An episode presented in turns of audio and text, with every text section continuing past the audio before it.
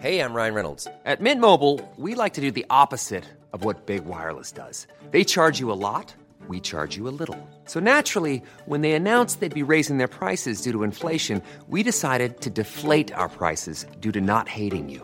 That's right. We're cutting the price of Mint Unlimited from $30 a month to just $15 a month. Give it a try at mintmobile.com slash switch. $45 upfront for three months plus taxes and fees. Promo rate for new customers for limited time. Unlimited more than 40 gigabytes per month. Slows. Full terms at mintmobile.com.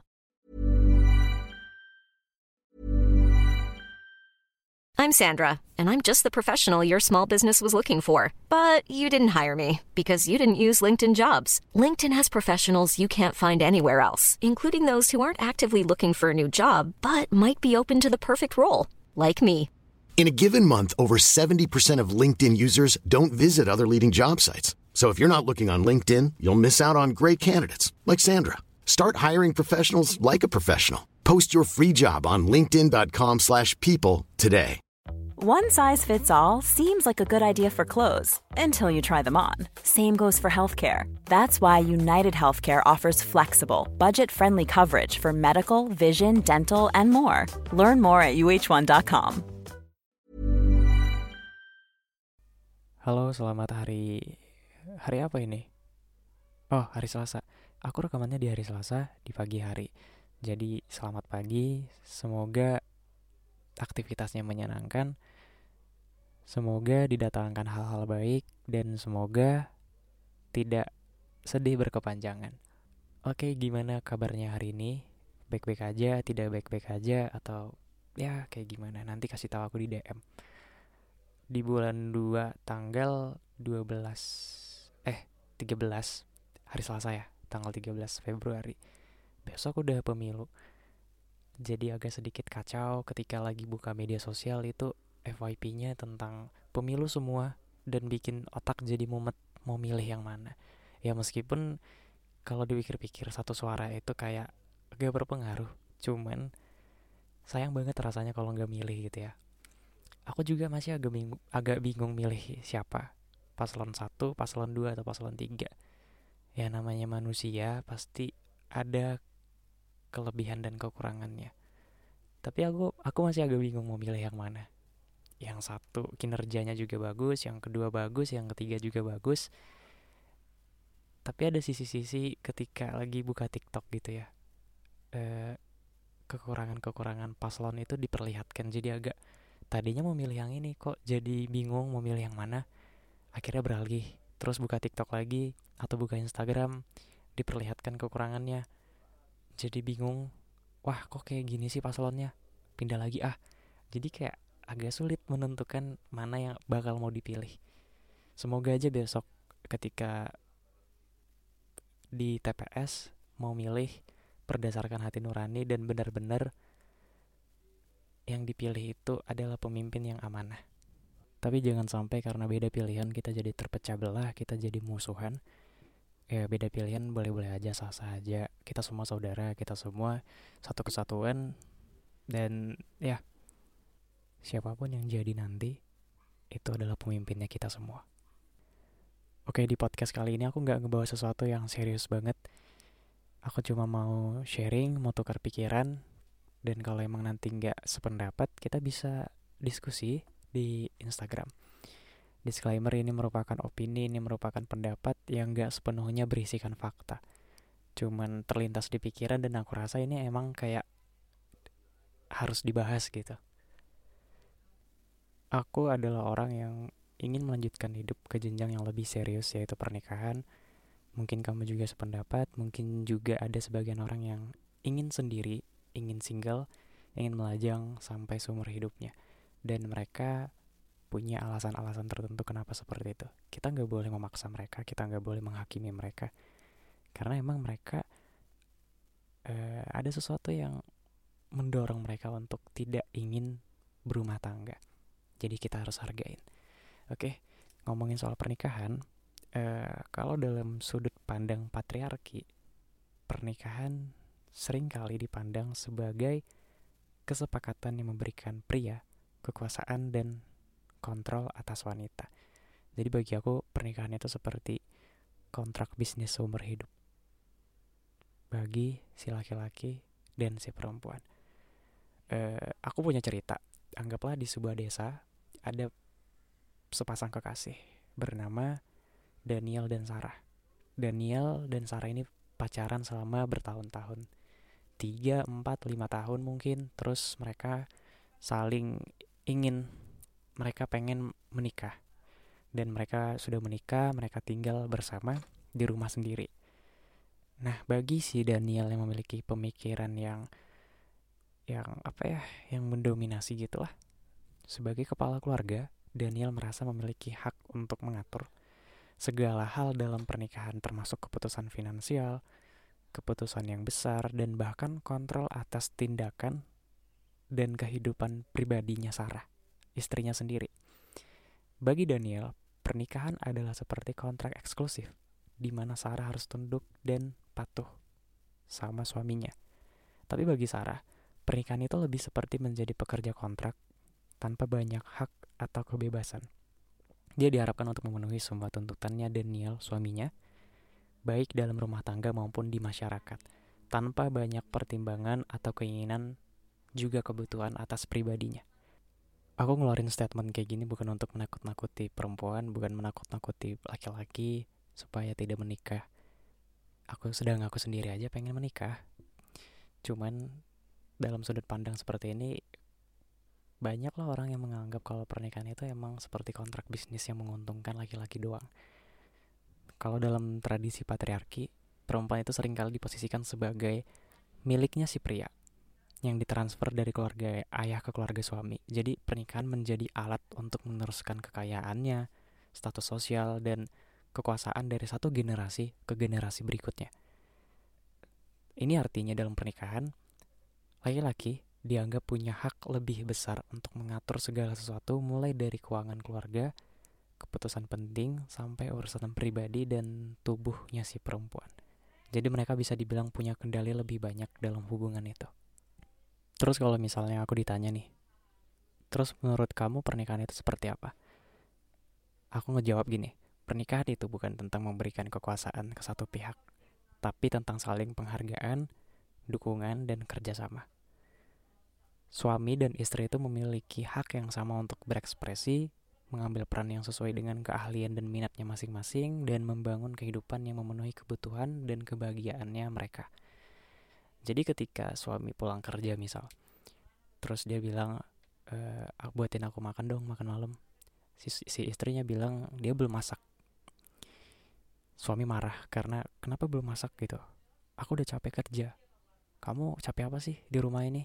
sampai-sampai nggak bisa siapin makanan si istri mungkin punya pembelaannya mungkin punya alasan tertentu dia bilang aku nggak sempat masak karena ngurus anak karena ngurus ini ngurus itu emang yang capek kamu doang aku juga capek nah dari sini gak bakal ketemu titik terangnya gak bakal ketemu benang merahnya suami capek istri juga capek kalau emang kedua-duanya ini saling bertengkar gitu ya si istrinya begini, si suaminya juga begini. Jalan tengahnya atau jalan satu-satunya itu kenapa nggak beli dari luar aja? Kenapa harus diperdebatkan hal seperti ini? Kayak kayak gimana ya maksudnya ceritanya tuh gini. Dari pondasi awal laki-laki itu emang harus diberi pemahaman bahwa perempuan itu kalau udah nikah terus pengen kerja pengen bantu keuangan suami gitu pengen bantu ekonominya justru itu yang patut di, dihargain gak sih disyukurin dan kayak menemukan harta karun jarang loh gitu mau ngebantu keuangan suami karena kan kodratnya perempuan itu kan bukan bekerja. Justru kalau mereka mau bekerja mereka kayak kayak aku nih misal misal aku menikah terus ketemu sama perempuan yang mau bekerja mau ngebantu keuangannya kita berdua gitu. Justru perempuan itu yang harus aku syukurin gitu. Kayak menemukan permata.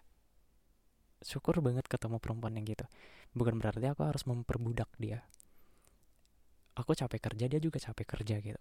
Walau walaupun semisal kalau dia itu nggak nggak kerja dia tuh di rumah ngurus ini ngurus itu dia juga punya titik capeknya.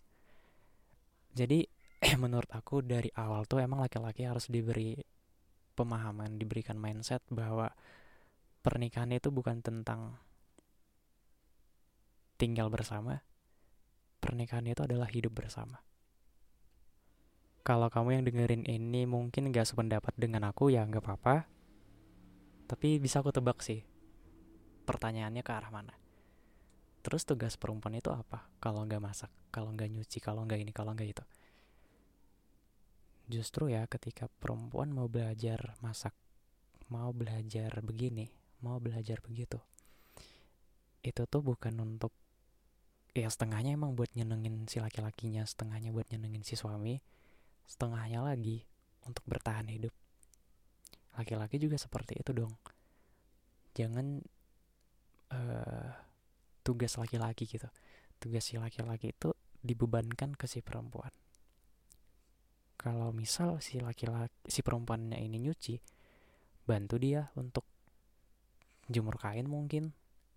Kalau si perempuannya masak, si cowoknya bantu dengan nyuci piring jadi nggak ada yang namanya ketimpangan sosial. Jadi nggak ada yang namanya menguntungkan satu pihak merugikan satu pihak. Sama-sama rugi dan sama-sama untung. Kalau mengatakan pernikahan itu seperti bisnis ya begitu. Dua orang yang melakukan bisnis jangan ada yang satu untung satu yang rugi.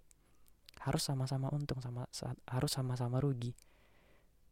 Kalau satunya untung satunya rugi itu nggak bisnis namanya ketika si laki-laki sudah mengatakan sah, sudah ingin menikah, ingin membersamai si perempuan,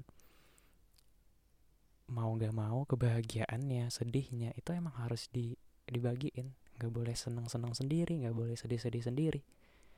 Kan katanya bisnis, kan katanya pernikahan itu uh, apa ya? Seperti menaiki kapal menuju tujuan yang sama justru aku agak sedih agak gimana gitu ketika melihat fenomena si keluarganya suami orang tuanya suami datang ke rumah anaknya ngelihat kalau anak laki-lakinya itu jemur kain masak nyuci piring nyapu rumah ngerjain yang katanya itu kerjaan perempuan. Terus dia marah-marah sama si menantu perempuannya kenapa sih kamu nyuruh suami suami kamu kayak begini? Dia di rumah tuh nggak ada yang dia di rumah tuh nggak pernah aku suruh-suruh kayak gitu. Kenapa setelah nikah sama kamu pekerjaannya perempuan itu dikerjain sama anaknya anaknya aku gitu? Justru ya aku sangat apa ya kayak kesel sebel sama orang tua yang begitu. Harusnya bersyukur gak sih? Harusnya seneng gak sih anak laki-lakinya itu mengerti mau membantu yang katanya itu adalah pekerjaannya perempuan. Pernah gak sih terbesit di pikiran? Aku sekarang begini deh, uh, tanemin pikiran, tanemin mindset. Misalnya aku punya anak perempuan, anak perempuan atau anak laki-laki. Kedua anaknya aku ini menikah dengan pasangannya mereka. Anak perempuannya aku ini diratukan, diperlakukan dengan baik, ditreat dengan ya baik banget lah. Sebagaimana aku memperlakukan anak perempuannya aku ini dengan baik. Begitu juga dengan anak laki-laki. Anak laki-lakinya aku ini mungkin dia memperlakukan perempuan atau istrinya nanti itu dengan baik juga. Tidak mendominasi, tidak menghakimi, terus tidak menjadikan perempuannya, istrinya itu seperti babu. Seneng gak sih kayak gitu? Nah, maka ketika orang tua bersyukur punya menantu yang mendidik si anak laki-lakinya itu ke arah yang lebih baik, harusnya seneng, harusnya bangga. Jangan malah ngerasa tertindas, jangan malah ngerasa uh, pengen melerai keduanya gitu. Ih, nggak boleh. Si laki-laki itu ya emang kerja, pulang ke rumah harus dilayani. Suami itu bukan raja yang harus dilayani tiap saat perempuan juga butuh pelayanan gitu kan. Mungkin ketika pas lagi hamil ketika lagi masa haid ketika lagi masa uh, apa ya banyaklah sebutan-sebutan perempuan gitu ya. Ada masa-masanya ketika perempuan bad mood laki-laki juga ada ngerasa bad mood. Jadi ya kayak saling aja gitu gak sih? Jangan pernikahan itu dianggap sebagai kekuasaan si laki-laki doang.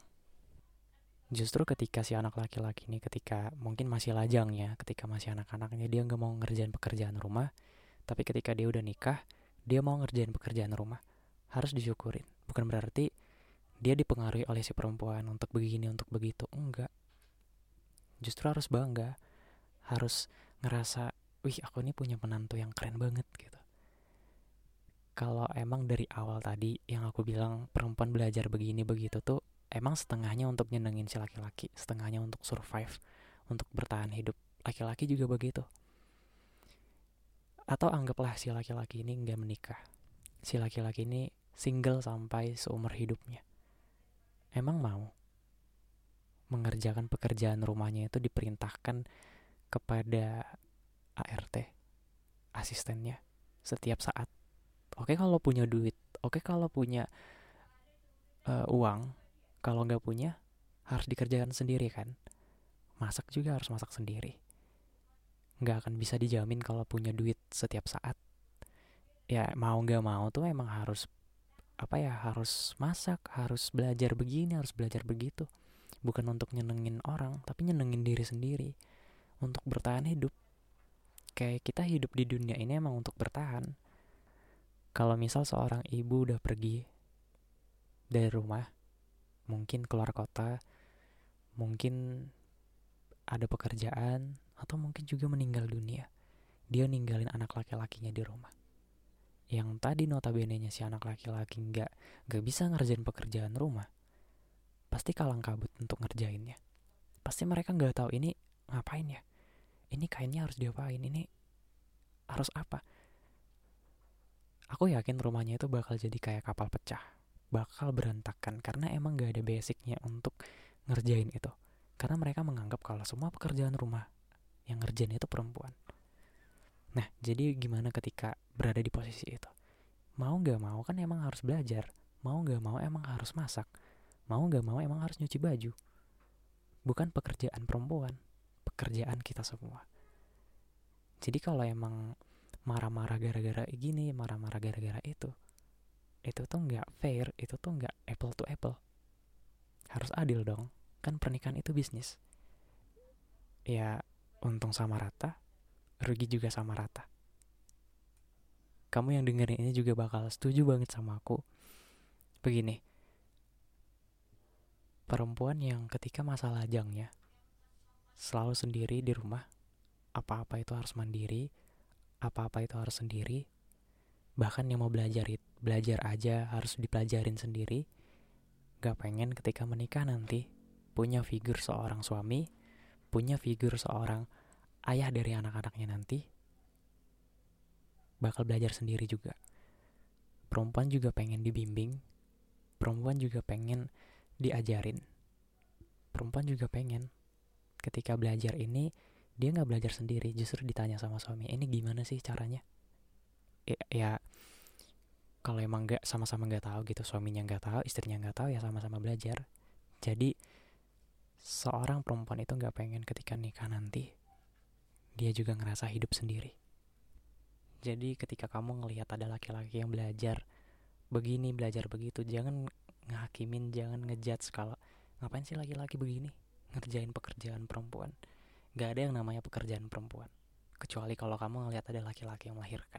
Kalau kamu ngelihat ada laki-laki yang menyusui. Kalau kamu ngelihat ada laki-laki yang uh, apa ya? Yang dia udah udah ada seorang istri tapi istrinya nggak mau ngurus anak, malah suaminya yang setiap hari ngurus anak baru boleh kamu tegur, baru boleh kamu bilang itu punya istri buat apa? Oke? Jadi kalau kamu ngelihat ada suami, ada laki-laki mungkin belajar masak kayak terus belanja di pasar atau mungkin begini begitu jangan kamu bilang ngapain ngerjain pekerjaan perempuan? Justru pekerjaan itu juga milik kita bersama bukan pekerjaan satu gender oke? Okay? sekian podcast kali ini. Mohon maaf ya kalau pembahasannya agak sensitif. Bukan maksud aku untuk berada di satu pihak ngejelekin satu pihak. Justru aku ngebawa podcast ini gara-gara keluarganya aku terus sekitarnya aku tuh kebanyakan seperti ini pemikirannya. Jadi aku kayak nggak setuju. Aku ngebayangin gimana kalau misalnya anak perempuannya aku gimana kalau misalnya istrinya aku gitu. Gimana kalau misalnya ibunya aku diperlakukan seperti itu.